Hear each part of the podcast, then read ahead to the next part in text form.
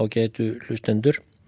Þann 23. november árið 1870 fættist piltur þar sem heitir Kálvafellskot í Fljótskverfi í Skaftafellsíslu. Það er nokkuð austur af kirkjubæjarklustri. Þar ólst pilturinn upp á Kálvafellskoti.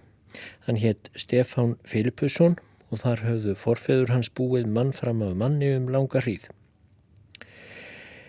Þegar hann var 17 ára gammal þá réðist fjölskyldan í að flytja austur á fljótstalsherað 1897 var það þannig að hann var komin undir þrítugt, réttara sagt og um, síðan settist hann að sem bondi í Brúnavík við Borgarfjörð Eistra og samt konu sinni Maríu Jónsdóttur, þau byggu þar í 20 ár, var að tvekja barna auðið en mistu þau því miður bæði ung. Þau ólu hins vegar upp nokkur vandalauðs börn og eina kjördóttur. Árið 1920 eða þarum bil flutti Stefán til Reykjavíkur og þar gerðist hann fljótlega leðsögumadur útlendinga sem til landsins komu og vildu komast upp á hálendið. Það var nýlundað slíkum ferðarlögum hér í Reykjavík en hann stundaði þetta af kappi í einhver 15 ár og gerðist margt frásagnarvert í þeim ferðum.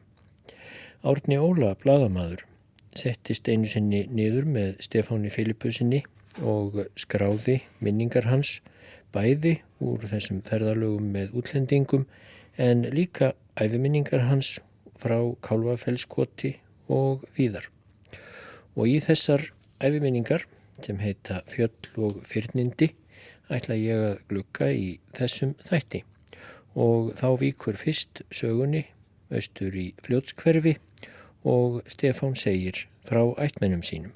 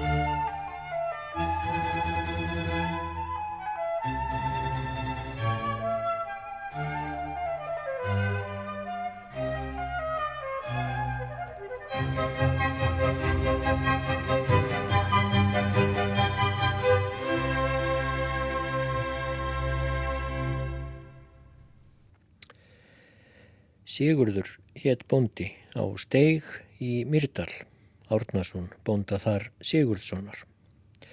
Kona Sigurðar hétt Þórun Þorsteinsdóttir frá Vaskarðshólum.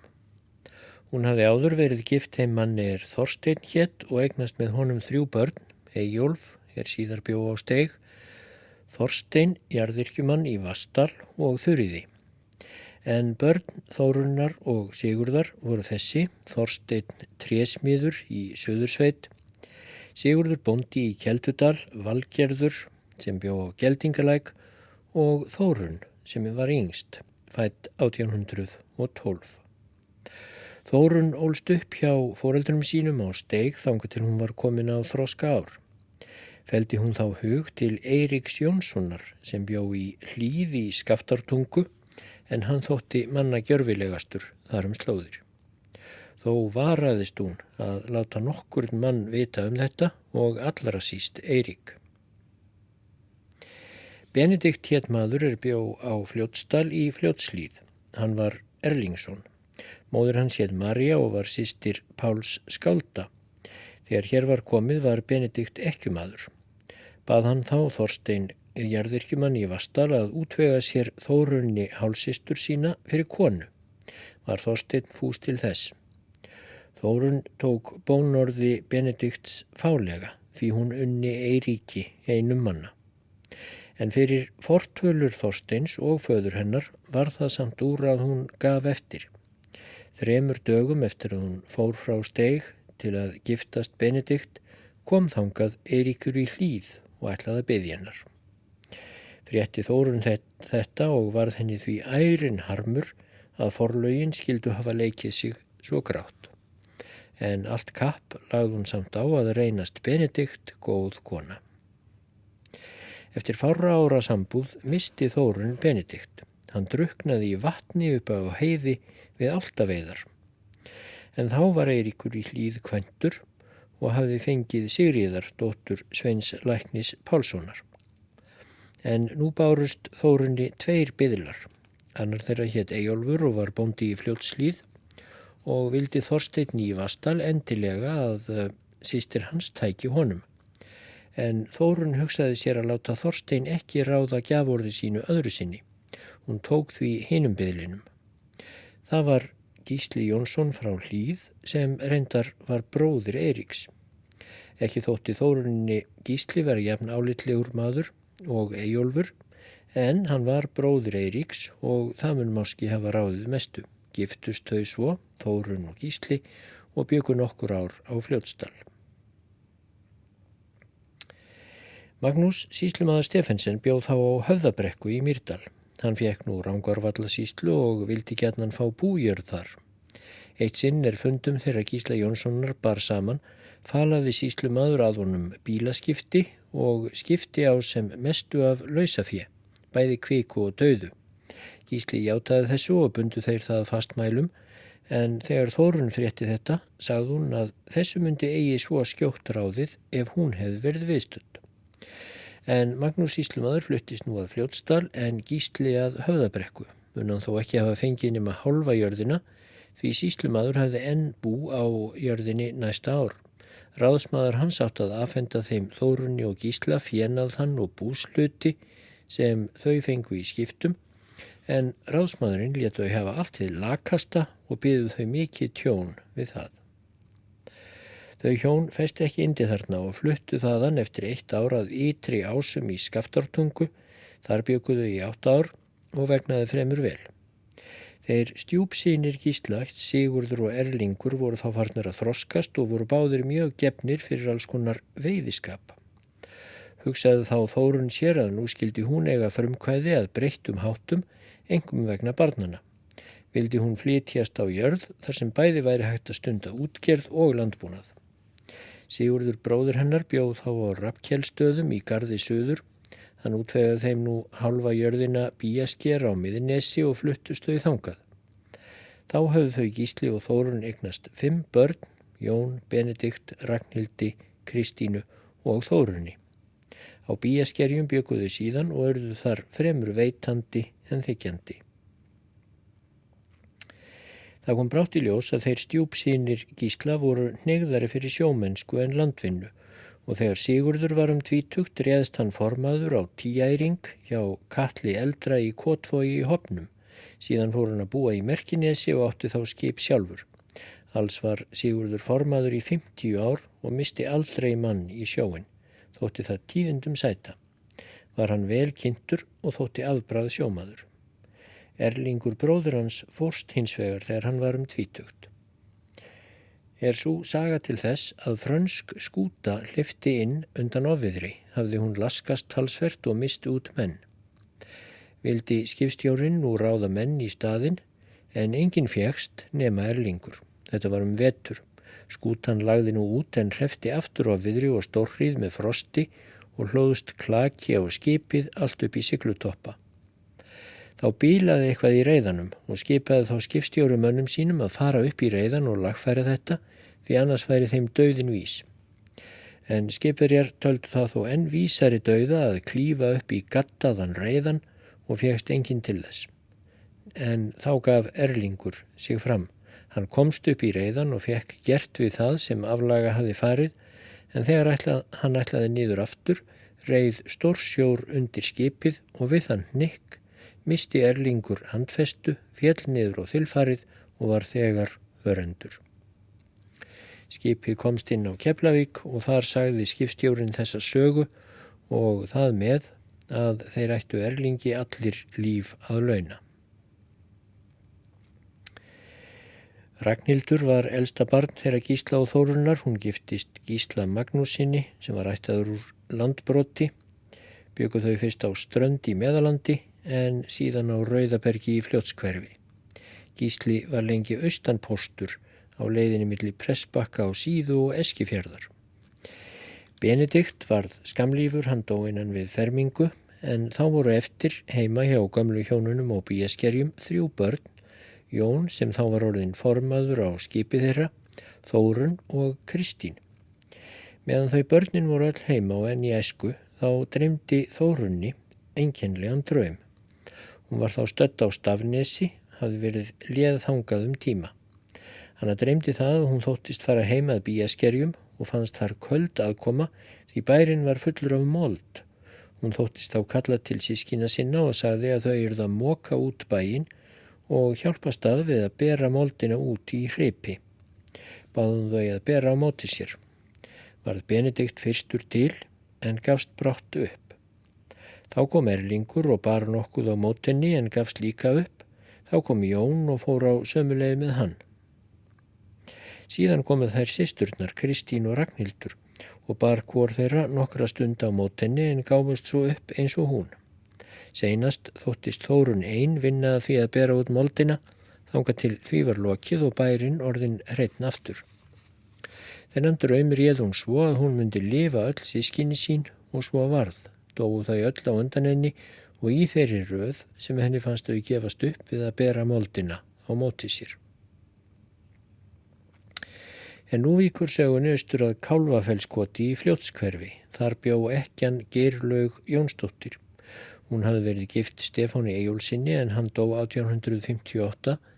Börn þeirra voru sex og flest uppkominn þegar hér var komið sögu. Ejólfur var þeirra elstur. Hann kvæntist um líkt leiti og fadur hans dó. Margrétu Dagbjörnsdóttur á Núbstað og fluttist ángað og tók við fyrirmyndar búi. Fílipus hétt annar bróðurinn. Hann var þá 19 ára og gerðist nú fyrirvinna hjá gerilögu móður sinni. Búið var ekki stort en snoturt og er það haft eftir árna gíslaðsinn í síslumanni þegar hann skrifaði það upp að þetta væri það snotrasta bú sem hann hefði skrifað upp. Nú var það vorið 1866 að þau sískininn frá bíaskerjum, Jón og Þórun, réðust í kaupavinnu til árna Gíslasonar síslumanns á kirkjubæjarklaustri. Jón hafi verið þar kaupamaður áður og hafði síslumadur sagt að ekki veri hlaupið að því að fá jafnóka hans til vinnu, sérstaklega við að sæta og binda þurrhei. Þegar þau sískininn kom austur að klaustri vildi svo til að Jón á blesarhaunni, föðurbróður þeirra sískina, vantaði tilfinnanlega kaupakonu og þar sem árni síslumadur hafði nóan vinnukraft hafði Jón beðið hann að gefa sér þórunni eftir ef hún vildi til sín fara. Var svo þetta að samkominagi með þeim öllum og fór þórun að blesarhaunni. Um þessar myndir var venja að halda 15. 15. sunnudagi í sumri, hátíðlegan þar um slóðir, var hann kallaður smalareiðar sunnudagur. Fóru þá allir, fengu þá allir smalar hesta hjá húsbændum sínum og riðu í hópum um sveitirnar en margt af öðru ungu fólki tók þátt í þeim gleðskap. Var lagt á stað upp úr hátegi á laugardal og oft ekki komið heim aftur fyrir en sent á sunnudagskvöld eða jafnvel ekki fyrir en á mánundagsmorgun ef gleðskapur var mikill. Þau sískininn, Þórun og Jón, tóku þátt í smalareiðinu um sumarið og reið hópurinn alla leið austur í fljótskverfi.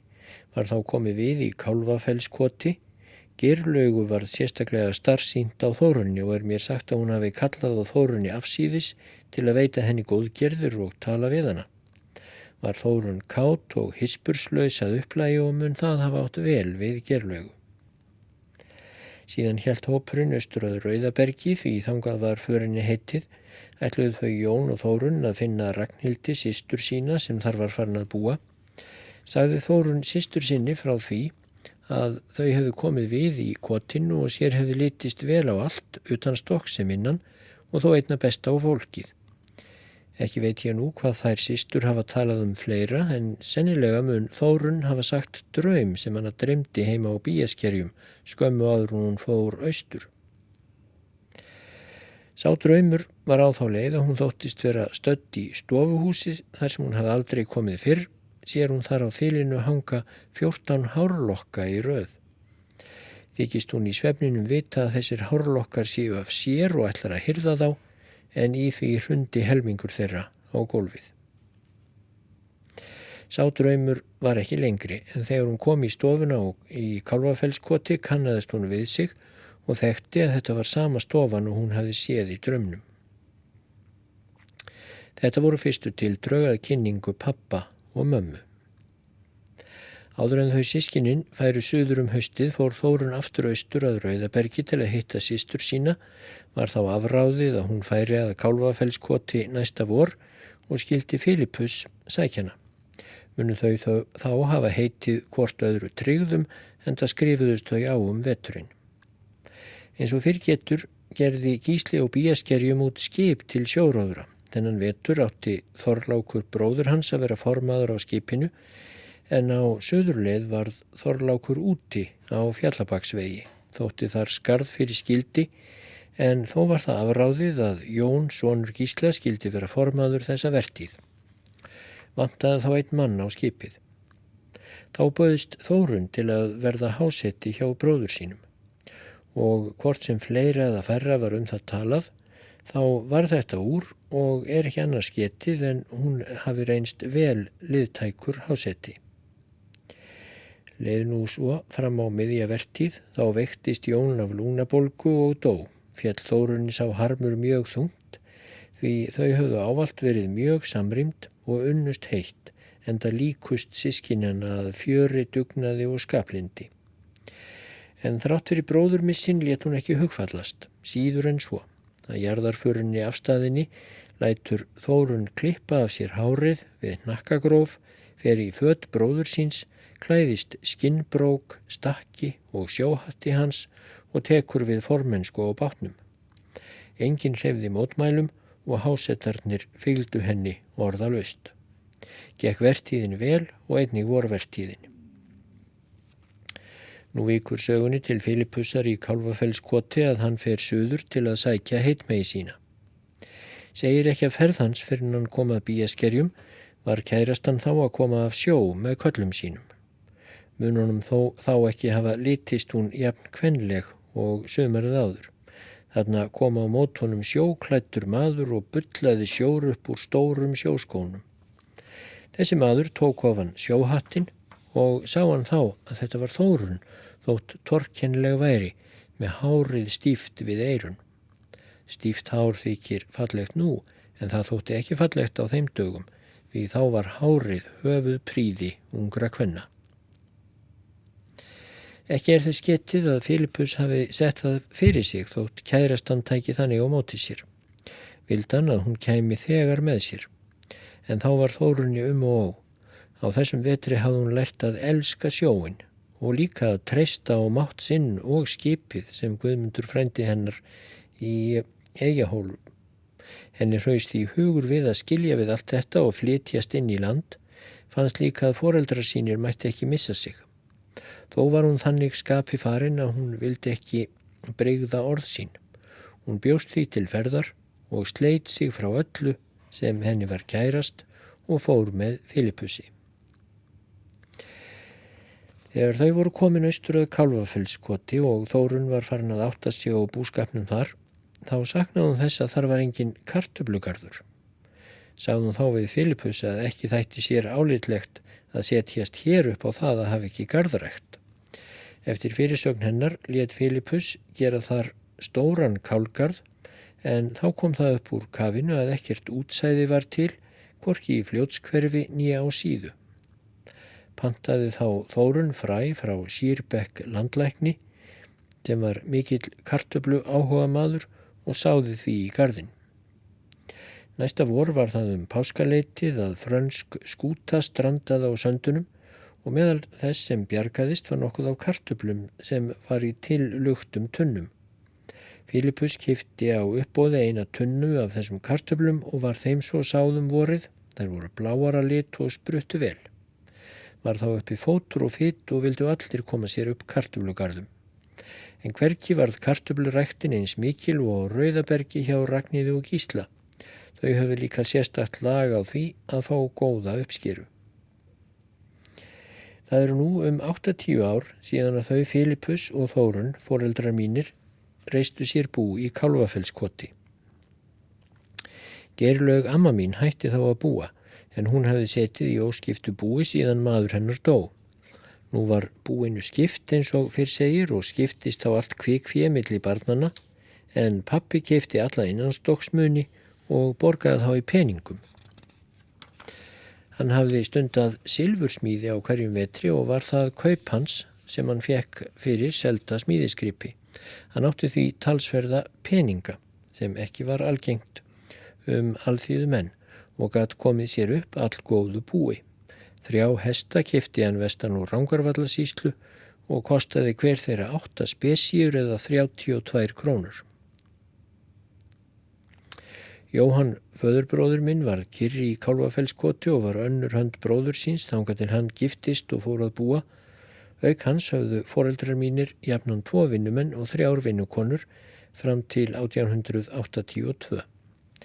Árið 1871 var mamma kosin til að vera ljósmáður og varð hún þá að fara vestur að móeiðarkóli til þess að læra yfirsetu hvennafræði hjá skúla lækni. Var hún hjá honum heilan vetur og fekk að því loknu leifi til að stunda ljósmóðurstörf og auk þess fekk hún nokkuð af algengustu livjum því að þá var læknislaust í báðum skaftafellsíslum. Livin sem hún fekk voru þessi að mig minnir Hoffmannsdrópar, kanildrópar, vind- og verkeiðandi drópar, krampadrópar, ópíumsdrópar, krótónolja, grassía og kjungsplástur en terpentínu taldi mamma einna nöðsynlegasta meðalið því að með terpentínu læknað hún bæði blóðeitrun og barsfararsótt. Mamma egnaðist á einnig tvær bækur sem hún hafði miklar mætur á. Var önnur grasafræði Hjaltalíns en hinn grasnitjar síra Björns Haldurssonar í Söðlugsdal. Er þar getið allra helstu lækningagrasa og fór mamma snemma að búa til alls konar smyrsl úr grösum læknaði hún með smislum þessum mjög vond og mikil sár. Auk þess bjóð hún til ímismeðul úr íslenskum grösum. Af þessu fekk hún kenningarnafn sitt Þórun Grasakona sem margir könnuðust við. Jáframt ljósmóðurstarfinu stundaði mamma nú lækningar og hefnaðist vel og leituðu margir til hennar. Hún tók mönnum einnig blóð og reyndist það vel við höfuð svima og gikt. Mátti svo kalla að hún væri eini læknirinn í skáttafellsíslum um hríð, ólærð með öllu. En árið 1877 var Sigurður Ólafsson frá Viðvík í Skagafyrði skipaður læknir skáttfellinga. Settist hann fyrst að í Hörgsdal á síðu en síðan fluttist hann þaðan að Kálvafelli í fljótskverfi því hann þóttist verða þar gagn samari fyrir austurskaftafellinga. Á meðan hans nöyt við hugsaði mamma ekkert um lækningar en það var endar ekki lengi því að Sigurður læknir varð bráðkvættur vorið 1880 og 2 þegar hann hafði gengt starfinu ekki nema 5 ár. Varð hann mönnum harm döiði því við hann hafði hverjum manni líkað vel. Kona hans var Sigriður Jónsdóttir, hún bjó nú áfram á Kalvafelli og settist þá þar að Sigurður Ólafsson síslumadur frá Hjálmholti einu eða tveimur árum setna giftust þau og fluttust á að kirkjubæjaklaustri. Síðan fekk hann Árnessíslu og bygguðu þá í Kaldaðarnesi.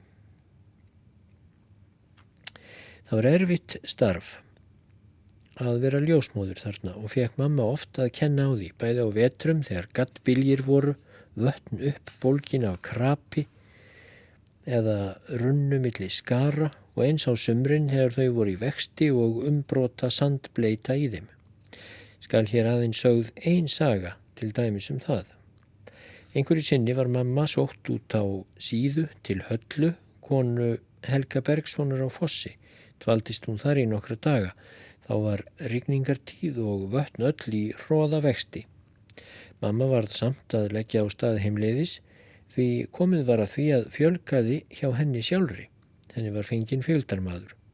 Þegar þau komað hverfisfljóti var það í slíkum vexti að fylgdarmadur taldi alveg ófært yfir það. Mamma var á rauðum hesti sem Helgi á fossi átti, besta vatnahesti og mjög röskum. Hún baði nú feildarmann að býða á bakkanum meðan hún reyndi fyrir sér hversu djúft væri, reið hún svo út í ströymin, en það skipti engum tókum að hesturinn greip sundið og skilaði henni svo land austanmegin. Þá kallaði mamma til feildarmannsins og sagði að hann þyrti ekki að fara lengra með sér, nú væri hún einfæra að komast heim. Gaf hún svo rauðu lausan taumin en hann tók sprettin og voruðu vist ekki lengi á leiðinni heim. Mamma sagði oft setna, ef hverfisfljót er ófært, fáið mér þá hann helgarauð. Slíka tröllatrú hafði hún fengið á klár, klárnum. Tveimur dögum setna lagðist mamma á sæng og sata Ragnhildur sýstir hennar yfir henni. Þær voru vanar því sýsturnar að sitja kóri yfir annari til skiptis nema einu sinni vildi svo til að það fjölkaði hjá þeim báðum sömu nóttina.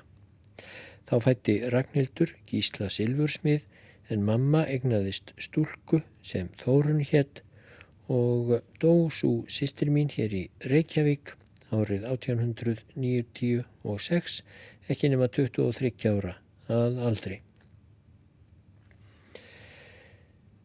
Frá bernsku árum mínum er mér það ekki síst í minni þegar farið var að slátra til heimilis á haustin. Allt fjöð var rekið í rétt og svo völdu þeir pappi og Jóhann úr, úr slátursauðina. Síðan var fjennu sleft úr réttinni en piltar fóru heima að fá sér kaffi áður en slátrunin hófst. Ekki veitti af því að leggja margt slátur fjö í bú því oft var 14 manns í heimili. Var gött og slátur aðalfæðan mestan hluta vetrar. Að vísu voru tvær kýr í fjósi en þær báru jafnan sent. Morgunmattur var venjulega bankabyggsgrautur með súrum og káli. Allt rófukál var soðið og fergt og síðan saksað og sett ofan í samfelling sem kallaður var en það voru áfyr og það sem þóðist innan úr mjölkur skjólum og trógum. Um miðjandag voru borðaðar kartöblur og brauð með flotti. Aðalmaturinn var á kvöldin, það var ætið kjötsúpa, þanga til kýrnar voru borðnar og mjölk komin. Oft var farið að sneiðast um kornmat á einmánuði svo sem vonlegt var. Allt korn var það mala í handkvörn á þeim bæjum þar sem ekki voru millur þótti það erfitt verk og leiðinlegt. En svo fór að flytjast inn kveiti og þóttu verkdrýjindi í að baka úr því á sumrin þegar mest var að gera.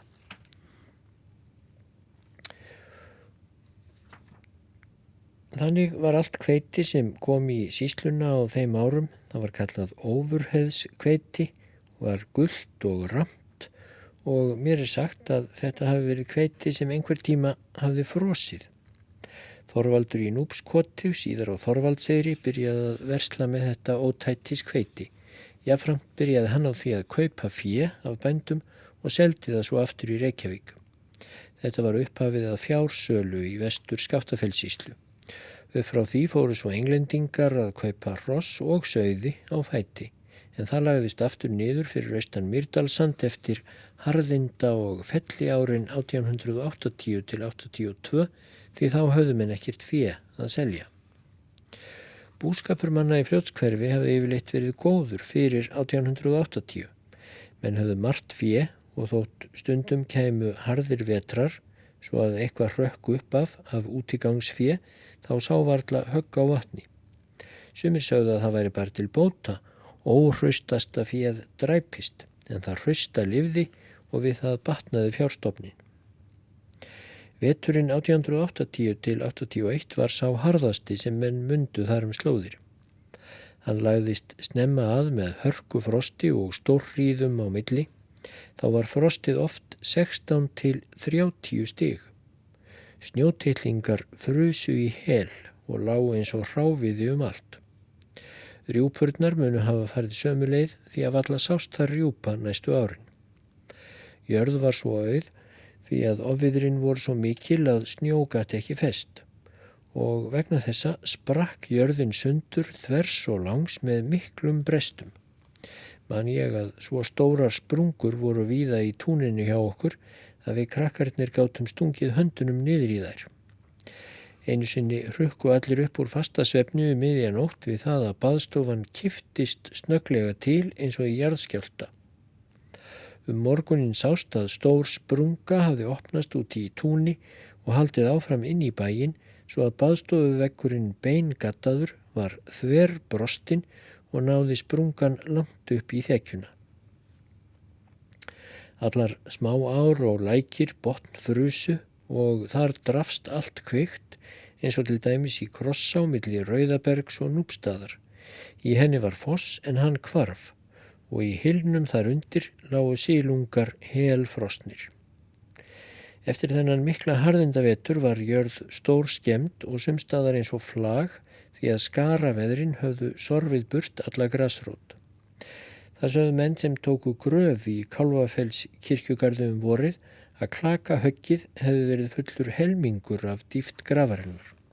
Má næri geta að jörðin hefur verið lengi að ná sér eftir þetta en það mátti segja að kúm væri ekki beitandi á tún fyrir nýju vikur voru af sumri eða upp úr fardögum. Um sumarið var heldur engin grasbretta. Festivallar ljá á grasi, hvorki á túnum nýja útengjum. Heiskapurinn í Kálvafellskotslandi var þá 60 hestar alls en það gæti valla kallast hei, heldur var það tómur salli. Svo smátt var heið að rekstrarkonur urðu að gera fýt úr ullarbandi millir tindana og rífum sínum til að geta rakað í saman, hvað þá annað.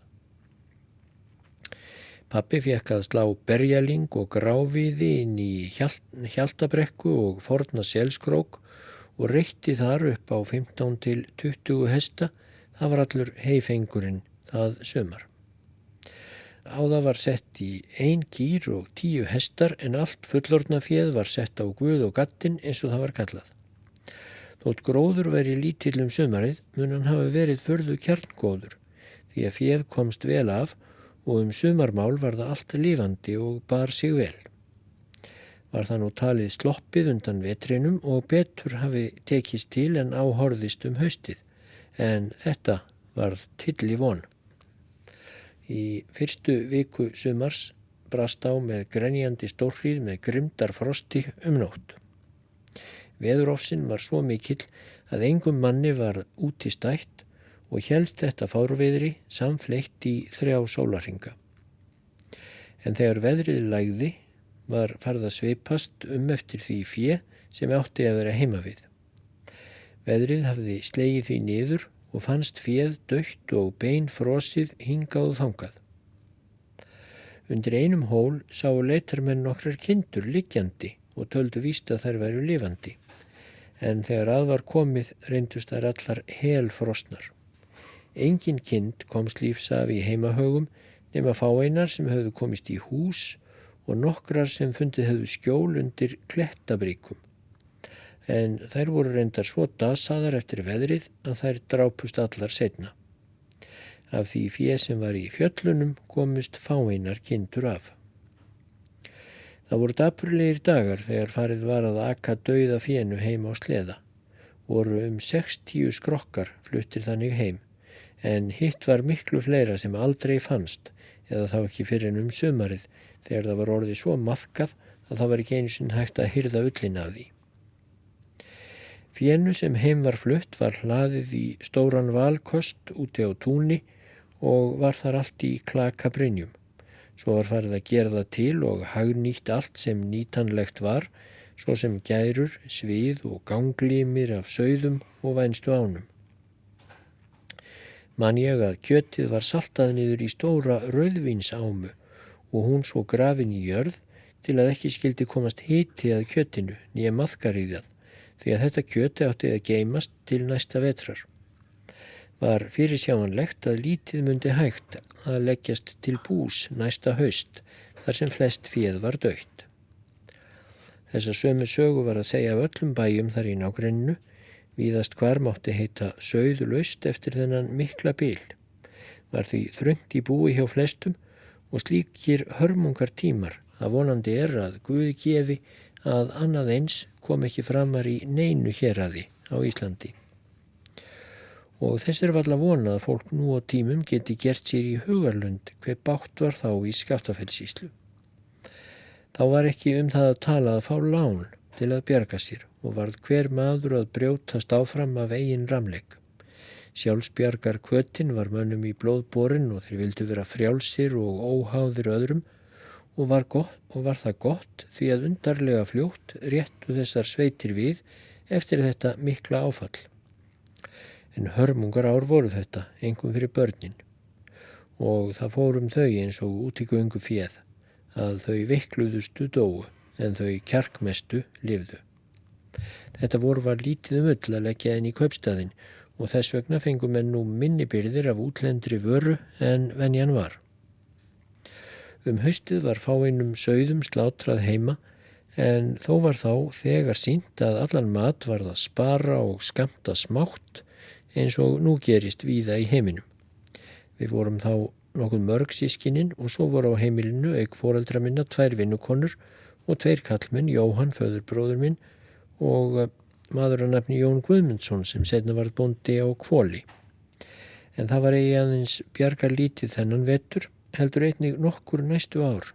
Í góðu lok var valla neitt til matar nema nýttin úr kúnum og ég minnist þess enn að frá þeim tíma til fráfærnana fengum við börnin ekki annað en halva flatköku og tólkarmóla við og tvo botla af mjölk á dag. Til að drýja þessa litlu mjölk hrærði mamma flautir úr henni og varð einn botli af mjölk sama sem fullur diskur af flautum og veittu þær meiri saðningu í byli. En ekki var hægt að þeita flautir ef heitt var í veðri, mjölkin þurfti helst að vera við frostmark. Mánuð af sumri var selurinn keftur og þá var farð á fjörur og náðust stundum kópar, þeir voru vel nýttir. Til dæmis man ég það að mamma hirti úr þeim gardnirnar og reynsaði þær, svo skar hún spík og megurð í lengjur, flettaði þetta allt saman og hengdi upp í eldhús. Þótt okkur krökkunum þetta hátíðarmattur, þótt fáir myndu líklega vilja leggja hann sér til munns núadögum. Fyrir kom að loðnu rak á fjörurnar í góuströym og stundum náðu menni nokkuð af loðnunni áður hún færi á kafi sand. Sérstaklega manni eftir því að einu sinni náðist svo mikið af loðnu að hún var bæði hert og sölduð. Var það mikil og blessuð björg í bú og vorum við krakkarnir mjög sólnir í hertu loðnuna og átum hana eins og skeppnur. Þá fengum við kviðfylli okkar og þá leið okkur vel en oft kom það fyrir þegar hardast var og við börnin vorum svöng að mamma bragðaði ekki matarbita dögum saman en let sér nægi að drekka kaffi því án þess gæt hún ekki verið. Þannig var nú æf okkar meðan verið var að koma upp nýjum fjárstofni en máltæki segir að sjaldan sé ein báran stök og svo fór hér. Í sláttarbyrjun 1882 bárust mannskæðir mislingar til okkar í fljótskverfi. Dó margt fólk úr þeim. Þá dó einn sýstur okkar og einnig frænk okkar, Margrét Ejólsdóttir á Núbstað, móðir Hannesar sem nú er bóndið þar. Við börnin lágum öll í einni kös og mamma var sjúk að reynað hjúkrokkur. En hún hafði lítið til þess, ekki einu sinni hotla fæðu eins og nú var komið mun henni þá oft hafa liðið ítla þótt skaplindið aftraðinni frá því að barma sér eða telja sér raunatölur. Þá var það fangráð mömmu að taka tvær fólaldsrissur og stíja þeim og gefa okkur kaplamjölk, veit ég að það hefur verið holdt fyrir okkur. Og þegar við vorum farin að hjarna við, vorum við þegar látin fara út ef gott var veður. Ég var á tólta árinu þegar þetta var og ég man að ég gæti valla staðið á fótunum þegar mér var sagt að fara út. Og samir að segja um sískinu mín. Við höfum lengi búið við ofullkomið fæði og af skornum skamti og vorum mjög merksógin. Og þegar mislingarnir bættust svo ofan á, þá var mest að furða að nokkur dokkar skildi lifa af. En þannig fór það nú samt og svo og þótt við værum veikburða fyrst eftir mislingana svo að við urðum að skrýða um hlaðvarpið þá restumst við þó förðu fljótt. Um þessar myndir þegar við vorum farin að hérna nokkuð við þá ferðaðist gýðingur nokkur um landið til þess að kaupa kvennhár og er mér minnistæð koma hans að Kálvafellskoti. Hann gisti þar um nótt og mamma og vinnukonurnar seldu honum lokka úr hári sínu en hann gretti með peningum. Þessi gýðingur var á glasegum hesti sem yngimundur repstjóri í Rófabæ höfði léðunum. Þetta var um haust og kallt í veðri og var mér bannað að fara út og mér ógnað með hestinum ef ég vildi ekki hlýða því fólkið hafði komist að því að ég var hrettur við augun í hestinum. En þennan dag hafði fjöð verið rekið til réttar og langaði mig óstjórnlega til að sjá það. Það var því úr að ég stalst út. Traðir lágu frá bænum ofan að réttinni. Ég setti mig í nýpur og lettist niður traðirnar svo sá glasegi skildi ekki sjá mig.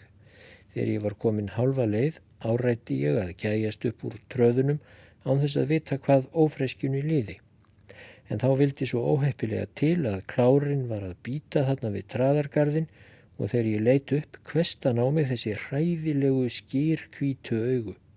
Aldrei á æfiminni hef ég séð jafn óurlega sjón og ég er vissum að glámsaugu haf ekki verið hræðilegri en þetta. Ekki man ég hvernig ég komst niður að réttinni en þar fekk ég þá huggun hjá vinnumannunum að ég hef verið heppin að klárin skild ekki drepa mig. Á þeirri stundu og lengi síðan var ég sannfærður um að óskaplegri og óurlegri ófreskja veri ekki til í heiminum heldur en þessi hestur gýðingsins. Má vera að frá þessari bernskuminningu stafi það að ég hef alla æfi síðan haft megnasta ímugust á glasegum hestum. Margra sólskins stunda er að minnast frá æskuárunum en þau færðu manni líka hret og jafnvel hýðingar stundum. Þótti ég all ódæll í esku og mest í jarðvöðl. Ef ég slappað heimann var það segin saga að ég kom heim blöytur og fórugur upp á haus með skó og sokka sundur tætta en alla vasa fulla af hortsílum og sílungaseiðum. Þá átti ég vísa flengingu og oft endranær. Afi tók að sér það hlutskipti að síða mig á þannhátt. Þess vegna þótti mér ekkert fyrir því þegar ég frétti lát afa meins. Mér fannst ég vera frjálsari á eftir. Mér þykir gaman að rifja upp þessar minningar. En meira gaman þætti mér ef gamlir skaftfellingar sem látnir eru fyrir svo sem 60 árum mættu líta upp úr gröfsinni nú til að sjá hvernig þeim yrði við. Allt er horfið sem þeir töldu nöðsynlegast á sinni tíð. En þannig er nú það. Vélar eru komnar í staðin fyrir vinnufólk, engar kvíjaær til í landinu, engin klifberi nýja reyðingshestar, allar götur eru grónar, en brunandi bílar á uppleiftum vegum og skip fljúandi í loftinu. Og hér líkur að segja frá benskuminningum Stefáns Filipussonar en ég held áfram í næsta þætti og þá víkur að ferðum hans upp um hálendið með ímsum litríkum vægastsagt útlendingum.